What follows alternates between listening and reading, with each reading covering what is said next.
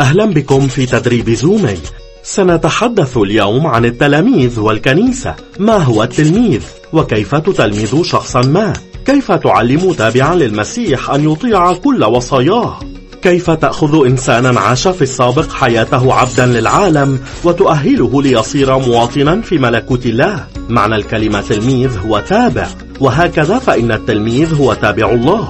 قال يسوع دفع إلي كل سلطان في السماء وعلى الأرض وهكذا فإن يسوع هو ملكنا في ملكوت الله نحن مواطنو مملكته رعايا عنايته رغباته ومقاصده وخططه وأولوياته وقيمها هي الأسمى والأفضل كلمته هي الشريعة فما هي شريعة الملكوت؟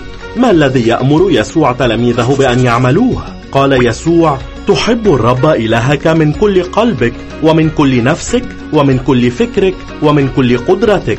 وقال تحب قريبك كنفسك. قال يسوع إن وصايا الله الواردة في العهد القديم يمكن أن تتلخص جميعها في هذين الأمرين محبة الله ومحبة الناس. قال يسوع تلمذوا. قال يسوع وعلموهم أن يحفظوا جميع ما أوصيتكم به. تشمل التلمذة تعليم التلاميذ ما أمر يسوع به. فإنه يمكن تلخيص العهد الجديد في الوصية. تلمذوا. التلميذ تابع يسوع. يحب الله ويحب الناس ويتلمذ آخرين. فما هي الكنيسة؟ قد تكون معتادا على التفكير بأن الكنيسة هي بناء نذهب إليه لكن كلمة الله تصف الكنيسة بأنها مجموعة من الناس الذين تنتمي إليهم.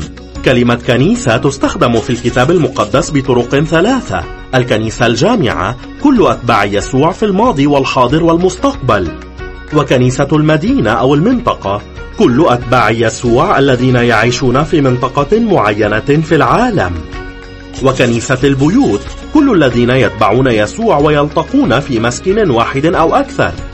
العائلة الروحية. أتباع يسوع الذين يحبون الله ويحبون الناس ويتلمذون آخرين ويلتقون معا في مكان ما فيؤلفون كنيسة البيوت أو الكنيسة البسيطة. حين ترتبط مجموعات من هذه الكنائس معا لعمل أمر كبير فإنهم يؤلفون كنيسة منطقة أو مدينة. كل هذه الكنائس البسيطة ارتبطت معا عبر المناطق والتاريخ وألفت معا الكنيسة الجامعة. هذه هي الكنيسة بمعناها الأشمل. الكنائس البسيطة هي عائلات روحية يسوع هو مركزها وملكها. الكنائس البسيطة عائلات روحية تحب الله تحب الآخرين وتتلمذ أشخاصا يتضاعفون. لدى بعض الكنائس مبان وبرامج وميزانيات وموظفون ولكن الكنائس البسيطة لا تحتاج إلى أي من هذه لكي تحب الله والآخرين وتتلمذ أشخاصا يتضاعفون. ولأن أي شيء إضافي يجعل الكنيسة أكثر تعقيدا وصعوبة في التضاعف. فإن تدريبنا يترك أشياء كالمباني والموظفين لكنيسة المدينة أو المنطقة المكونة من كنائس بسيطة تتضاعف. تذكر أن كلمة زومي تعني خميرة التي هي كائن حي وحيد الخلية يتكاثر بسرعة. من خلال تدريب زومي سنصبح كالخميرة بسطاء ونتكاثر ولكن قبل أن نبدأ في التضاعف يجب أن نعرف ما يريد الله منا أن ننتجه ونكثره التضاعف يمكن أن يكون جيدا لكن ليس دائما فالسرطان يتضاعف ولكنه قاتل فكيف ننتج الحياة لا الموت؟